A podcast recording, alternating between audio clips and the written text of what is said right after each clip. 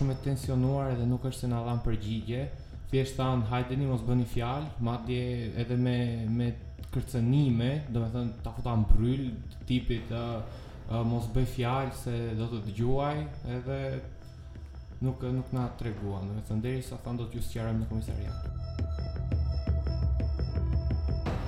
Ky ishte Gentian Tufa, një nga 50 personat që janë arrestuar gjatë 7 ditëve të protestës për uljen e çmimeve në qytete të ndryshme të Shqipërisë.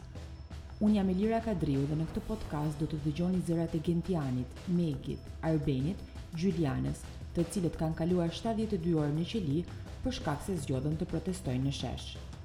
Por gjithashtu do të flasim me avokatin Redon Meksi, që do të na analizojë parregullsitë ligjore të ndalimeve dhe arrestimeve në terren.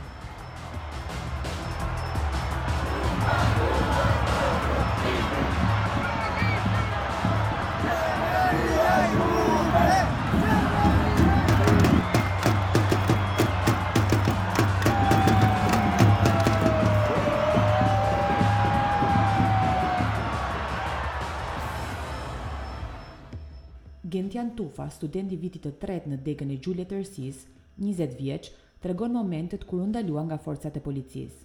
Ishim bashkë me kushëririn tim duke u larguar nga protesta, pra në drejtim të shtëpisë, edhe tek Ministria e Financave, në në trotuar, civilë, domethënë katër civilë na vijnë papritur, thjesht na kapën pa asnjë lloj prezantimi, thjesht na thonë hajdeni me ne.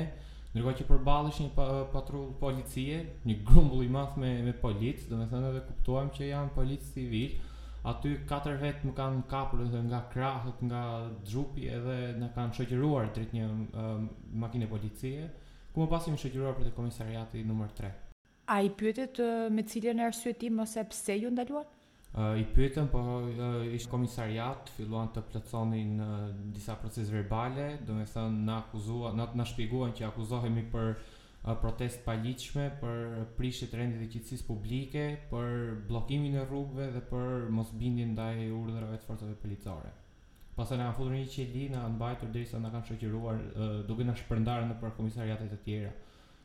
Domethënë na ndan edhe me njëri tjetrin. Unë, mua më çuan në komisariatin numër pesë në Kamës, kushëririn tim në në Elbasan, ngaqë s'kishte vende, ishin arrestuar dyqind gati protestues. Si vijoi situata në komisariat dhe për sa kohë ju mbajtën atje? Aty kemi kaluar rreth një orë, më pas na kanë na kanë ndarë, domethënë në komisariatet e tjera, në domethënë aty u shkëputëm me njëri tjetrin, mua bashkë me me tre persona të tjerë më çuan në në komisariatin numër 5, në komisariatin numër 5 na kanë mbajtur në një dhomë tjetër paraburgimit derisa uh, na thërrisnin për të bërë foto që nëpërmjet fotove të gjenin nuk e di domethënë evidenca që kemi qenë kemi bllokuar rrugët uh, funksiononte një rrjet i strukturuar me efektivë policie nuk e di çfarë mund të quhen spiunë që Thjesht kishin një lum fotosh dhe copëza videosh ku nga nga protesta domethënë edhe aty na kanë pikasur që dhe me motivacionin jo vetëm mua por edhe shokët e tjerë pastaj në qeli që uh, ju keni dalë në televizor do t'ju mbajmë edhe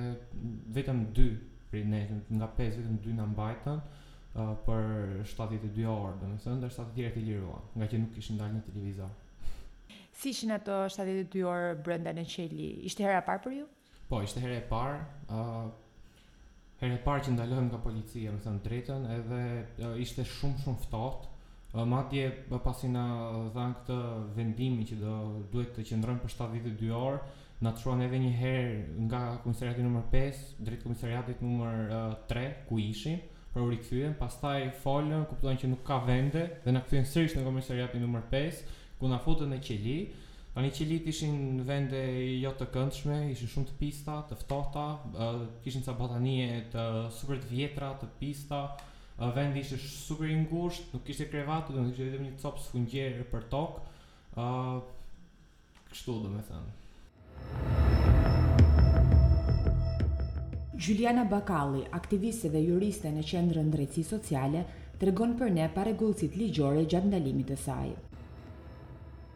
Unë isha e vendosur pranë kryqëzimit që është tek gjykata e lartë me Tajvanin, tek pjesa që kalohet për nga krahu i gjykatës të lartë pranë pranë një kafe shumë të famshme aty afër dhe Uh, isha vendosur në trotuar, shquaj uh, pak më tutje një civil dhe i flas sepse ai po jepte urdhra policëve uh, dhe i them nëse ju jeni ndonjë drejtor, do duhet të vini me uniformë që të keni dhe t'ju identifikojmë, që të kemi dhe mjetet e identifikimit, që jeni punonjës policie, përndryshe nuk keni të drejtë të jepni urdhra policëve.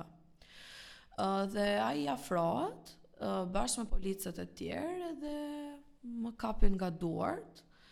ë uh, të gjithë bashkë pasi ky i jep urdhër, them drejtën ishte ishte shumë e shpejtë si periudhë, nuk e kam nuk e kam shumë të qartë si si moment si ndodhi aq shpejt, por di që po ngaqë kishte një lloj konfrontimi me fjalë, uh, ata erdhën shumë shpejt edhe më shoqëruan. Me sa mbaj mend ishin pesë persona, kanë qenë të shqiponjave, që nuk do duhet të ishin fare prezent në shesh.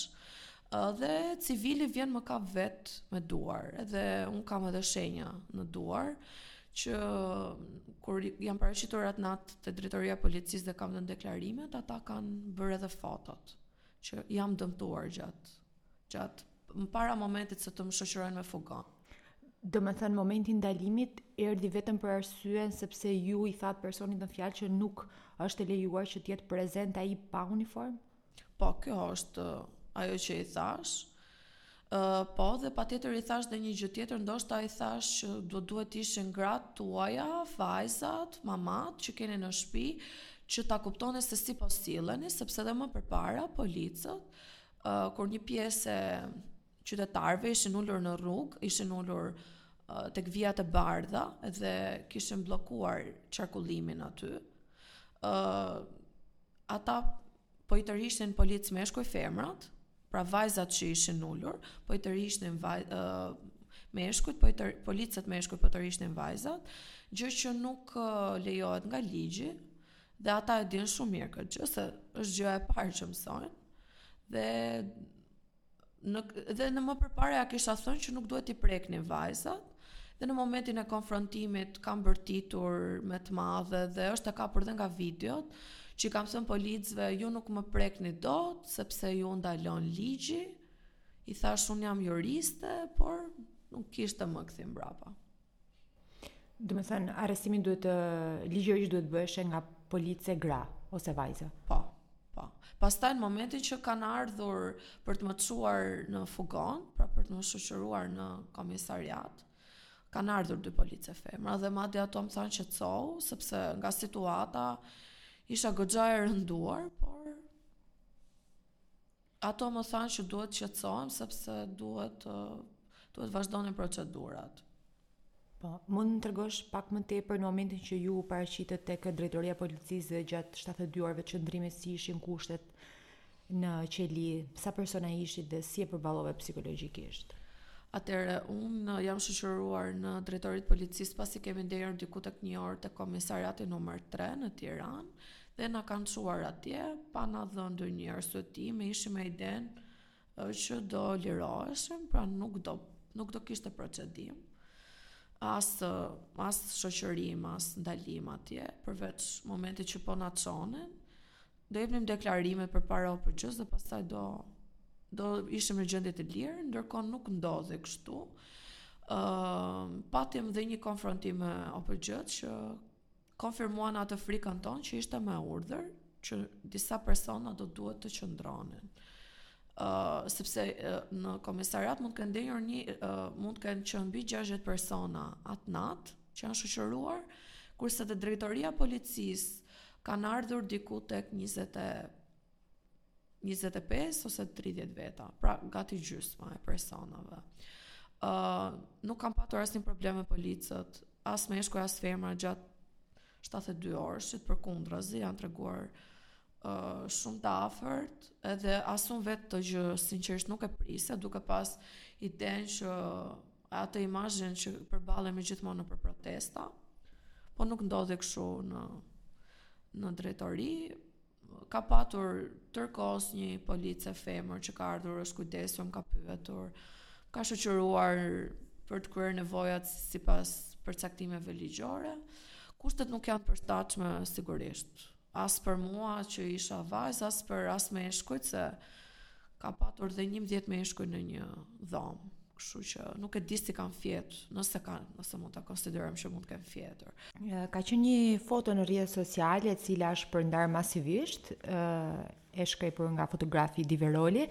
A mund të shpjegoni pak pasi kam parë komente të ndryshme në rrjetet sociale, të cilat edhe thonë që kujt po i drejtohet vajza me atë gisht, kë po kë po gjykon, është një vështrim i ashpër. Na shpjegon ti pak më tepër momentin e fotografisë.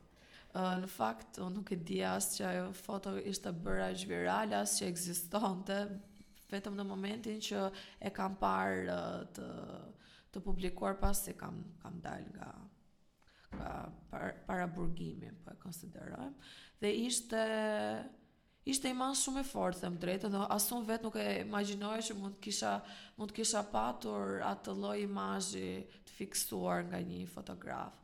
Uh, unë jam duke iu drejtuar, siç thash, jam duke iu drejtuar civilit uh, që është pas policve. Pra nuk jam duke iu drejtuar policve që janë në radhë të parë. Por jam duke iu drejtuar civilit, jam duke e pyetur atë që Pse është pa uniformë.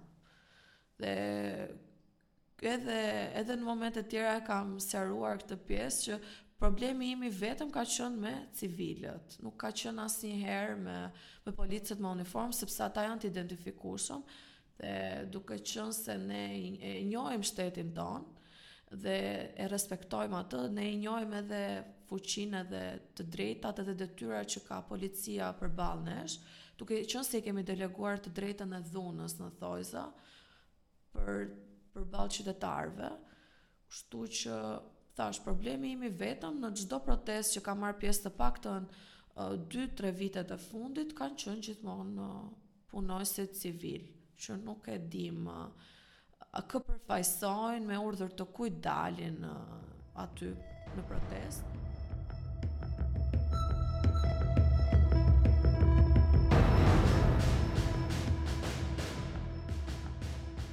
Arben Kola, aktivist, tregon jo vetëm rastin e tij personal gjatë ndalimit, por edhe të një miku të afërt, i cili është abuzuar fizikisht nga forcat e rendit. Unë isha bashkë me katër të tjerë.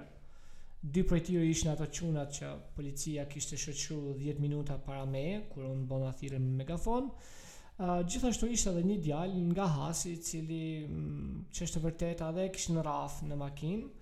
Uh, dhe ai m'u dhims pasi e kishin fiksu përmes taktikave që aktualisht po përdor policia E kishin fiksu, të mërkurën e kishin arrestu kot, e kishin mbajt për dy orë, thjesht iu ishte duk si, si Van Dam, po themi, dhe të enjten ai kish qenë duke pa Instagram në trotuar kur i shkojnë tre vetë forcërisht e marrin dhe e fusin në makinë private, jo si në rastin tim kur unë isha makinë policie, por në makinë private Dhe e gjuajnë me shpulla dhe me grushta të vegjël, e gjuajnë derisa arrit te komisariati numër 1.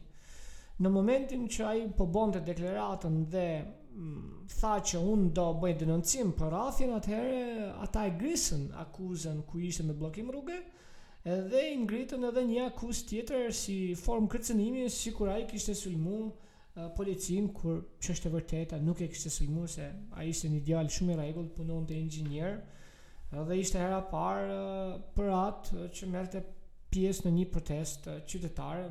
Edhe aty biles ishte ndodh falë shokut tij dhe ai kishte thënë ok, unë po ju shoqëroj, po unë po rri në trotuar. Kështu që ka pat arrestime edhe të paligjshme, domethënë është është abuzu.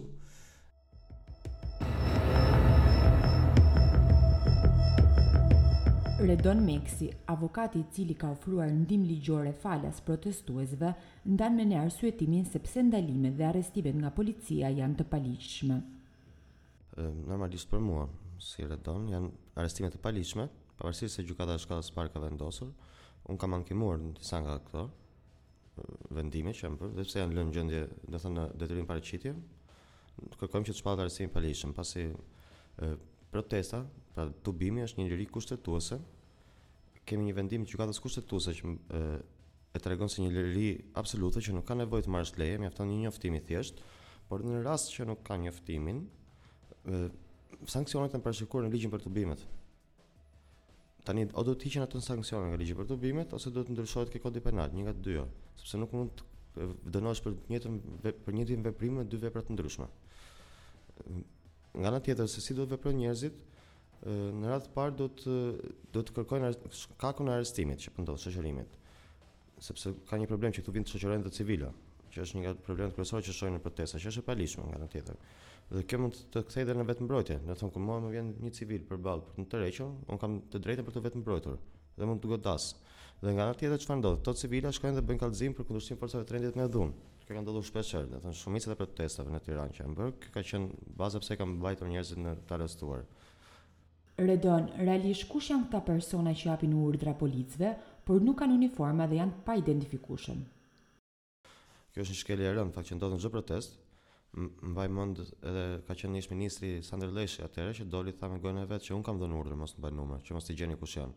Domethënë kjo është akoma më e rëndë që të dalë një ministër dhe të veprojë në këtë lloj forme. Ne kemi bërë gati në fakt dhe një kallëzim për këto policët, për mbajtjen pa drejtë të uniformës. Sepse ne nuk e dimë a janë policë ato. Fjalët janë që janë studentë të Akademisë së Rendit, që s'janë matrikuluar akoma, që i marrin që janë më të zellshëm për të bërë punën apo dhunën. Do shohim si do hetojë prokuroria. Shpresojmë që prokuroria të hetojë realisht. Do bëjmë edhe një kallëzim për drejtorin e policisë Për protestën e fundit që ndërhyri, sepse e, ka bërë veprime arbitrare sipas kodit penal, domethënë veprimet arbitrare janë ato veprime të cilat cënojnë lirinë e tjetrit, nga një, dikush që punon në administratë. Në këtë rast është policia. Ne kishim bërë njoftimin, ishim brenda ligjit në të gjitha det, e, kushtet dhe policia vendosi që të na përzej nga sheshi me justifikimin që bllokonim qarkullimin. Kur në fakt, ne kemi parë pikërisht ajo rrugë që të qëndronte opozita për 6 muaj. Kemi parë dhe Partinë Socialiste në 2009 qëndronte për 2 muaj. Kurse neve për 24 orë ishim bllokim i rrugës. Për më tepër kishim në kërkesën në njoftimin e bërë drejtuar policisë, kishim specifikuar dhe detajet, domethënë që në rast urgjence, në rast se ka nevojë policia, në rast zjarrfikësesh apo edhe në rast urgjencash civile, ne ishim gatshëm të lironim rrugën sa të kalonin mjetet dhe të vazhdonim përsëri tubimin.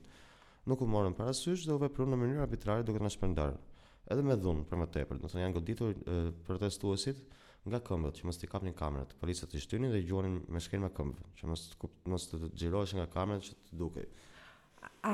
Ndjesë për ndërhyrjen, a kam të drejtë unë si një qytetar të mos pranoj që të që të prekem, të arrestohem apo të ndalohem nga një person i cili nuk ka uniformë dhe a kam të drejtën ta denoncoj këtë veprim? Normal që po.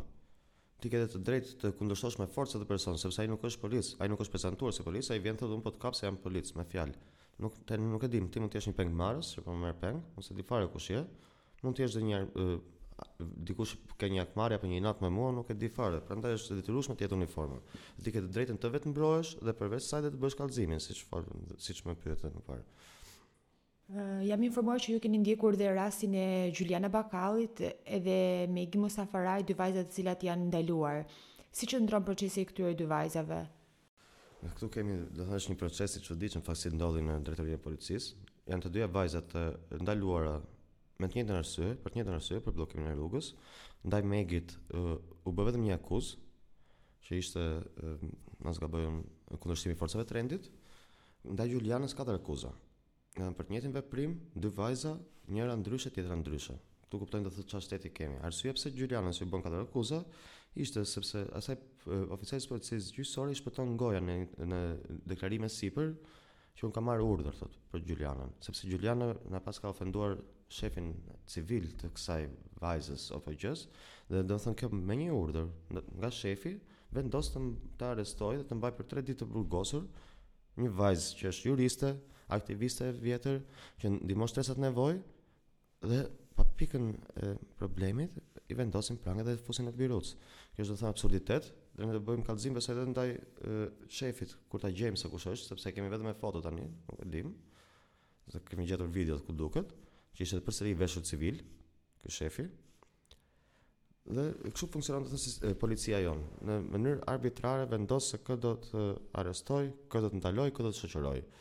Nuk ka asnjë bazë ligjore apo logjike që të vendosin sipas kushteve rrethanave që janë.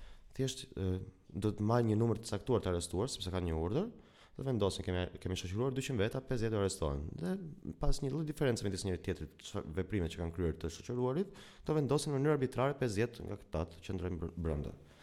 Mbaj mend një moment që Megi edhe ka replikuar duke thënë që jam media. Sa të mbron bexhi i një gazetari në terren, sepse në këtë rast duket sikur nuk e mbrojti dot aspak. Të mbron, të mbron që të shkojmë të dhe një arsye të mendojnë që edhe nuk i bën akuza të tjera, mund të jetë edhe kjo e medias.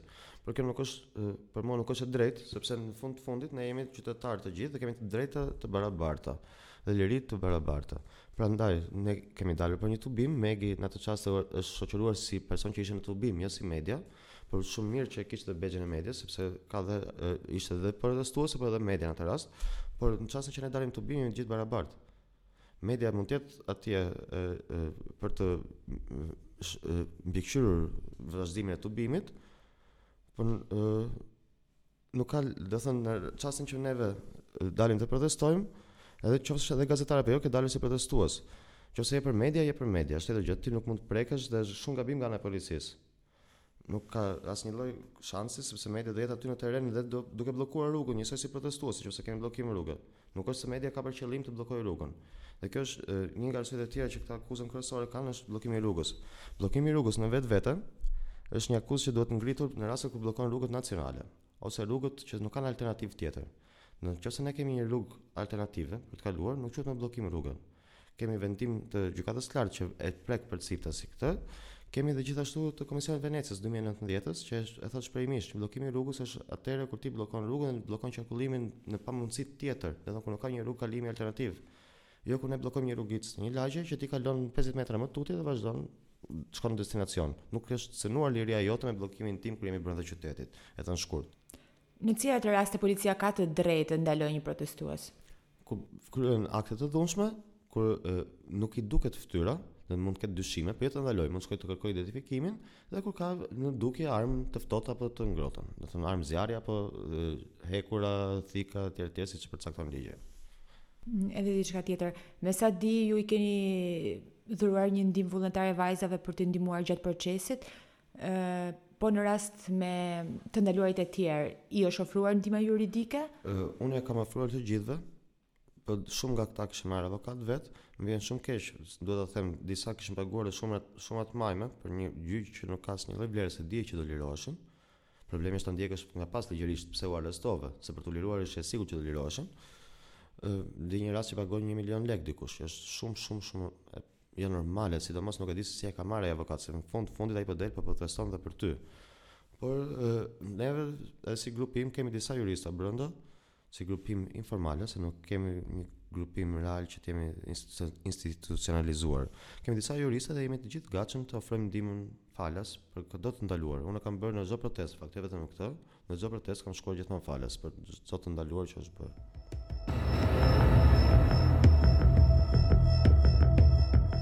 Megi Mustafaraj, gazetare dhe aktiviste, ndan një perspektivë gjinore të rolit të grave në protestë, por edhe vështirësinë për të ndarë profesionalizmin e të qenit gazetare nga zeli që e pushton vazhdimisht si aktiviste.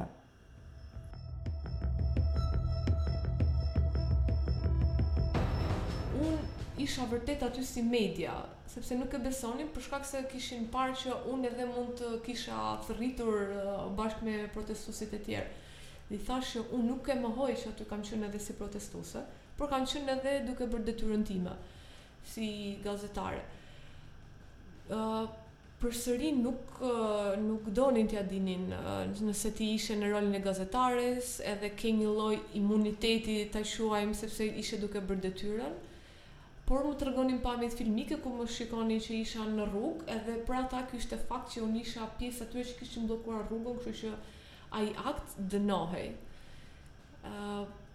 Por mbas disa orë debatesh me me oficeren që po na merrte në pyetje, më më dërguan përsëri në dhomën e cila ishte e pisët, e ftohtë, me karrige të thyera ku nuk kishe ku uleshe, uh, një ambient uh, kaotik dhe ku ata vetë punonin, jo më ku mbaheshin në të burgosurit apo të shoqëruarit nga policia.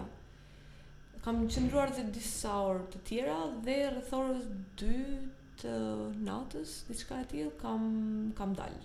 Ndërsa shoqen time Xhulianën e kanë mbajtur 72 orë. Po. Ë, cili ishte pretendimi nga ana e policisë për ndryshimin e rasteve? Pse Xhulianën e mbajtën 72 orë dhe me cilin Me cilin arsyetim juve ju liruan më herët? Tek mua pretenduan se mbyllën një sy për shkak se isha media. Por përsëri donin të më mbanin edhe më shumë, por dhe avokati, po dhe ne po insistonim që unë aty isha si media. Kështu që nuk duhet të preket media siç themi zakonisht, por diçka e tillë nuk ndodh sepse pamë që atë ditë edhe një gazetar tjetër, kameraman mos gabohem, ishte dëmtuar gjatë protestës. Sa e vështirë është për ty Megi që të bësh ndarje në terren midis detyrës tënde si gazetare dhe dëshirës për t'u përfshirë në protesta, për të qenë aktiviste? Është pak problem, akoma jam duke u mësuar me këtë fakt. Po dua dua t'i bëj të dyja sa të mundem, se nuk dua as të lë vetëm kauzat, por edhe njëkohësisht dua që ato të mbulohen sa më mirë të jetë e mundur. Për ta kthyer pak bisedën edhe në perspektivë feministe, kemi parë shumë postime që janë bërë në rrjetet sociale duke ju cilësuar si heroina ty dhe Xhulianën, Edhe për shembullin e forcës së vajzave dhe grave sot në protestë, si të bën të ndihesh kjo gjë? Uh, jam ndier pak në siklet, them të drejtën, se uh, dhe djemtë janë dhënuar tepër në protestë. Kemi parë pamje, një shokut tim i kishin grisur xhupin, po nuk u bë e madhe. Një djalë tjetër e kam parë që e kanë tërhequr dhe ka dhe është dëmtuar. Uh, por gjithsesi më ka ardhur shumë keq që ka pasur shumë pak vajza në protestë. Është diçka për të cilën më vjen keq gjithë gjatë gjithë kohës, sepse vajzat janë një forcë shumë e madhe dhe guximin e kanë shumë më të mëdhenj se djemtë, në fakt. Por ama nuk e di pse nuk po vinë mjaftueshëm në protestë që të mundemi të të ngremë zërin tonë dhe të tregohemi të barabarta sepse ne i përkasim atij vendi po ashtu sa djemtë dhe burrat.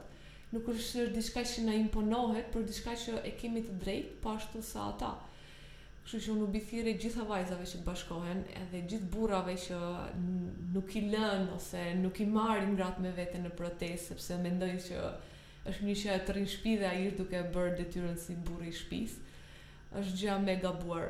ë uh, Vajza apo gruaja e tyre ka po aq të drejtë të jetë në protestë sepse është qytetare e këtij vendi, po aq sa dhe burri. Kështu që ato vërtet duhet të rritet masiviteti i grave në vendimmarrje dhe në pjesëmarrjet publike. Edhe një pyetje të fundit Meg, pasi u ndalove nga policia, a ka qenë emocioni dhe rikthimi në terren i njëjtë apo ke pas ndoshta më forcë, më hezitim, si kanë qenë ndjesitë? Uh, ndjesia ka qenë uh, e njëjtë si çdo protestë, por kam qenë uh, më e inatosur për shkak se disa prej shokëve të mi dhe qytetarëve të tjerë ishin duke u proceduar penalisht. Dhe ajo po më irritonte tej mase. Edhe sigurisht kisha këtë frikën tjetër sepse pushteti e përdor uh, arrestimet për t'i frikësuar qytetarët, por pam të kundërtën, të shtunën pam që ishte një protestë tejet masive dhe njerëzit kjo gjë nuk është duke i trembur. Uh, dhe personalisht e vetmja gjë që kisha ishte thjesht inati ndaj uh, këtij pushteti që gjë gjithkohë tenton të heqë vëmendjen nga ajo se çfarë ndodh, uh, duke ironizuar, duke sharë apo duke përdorur atë që din të bëjë zakonisht, duke arrestuar, duke përdorur forcën. Uh, për t'i shtyrë njerëzit drejt frikës.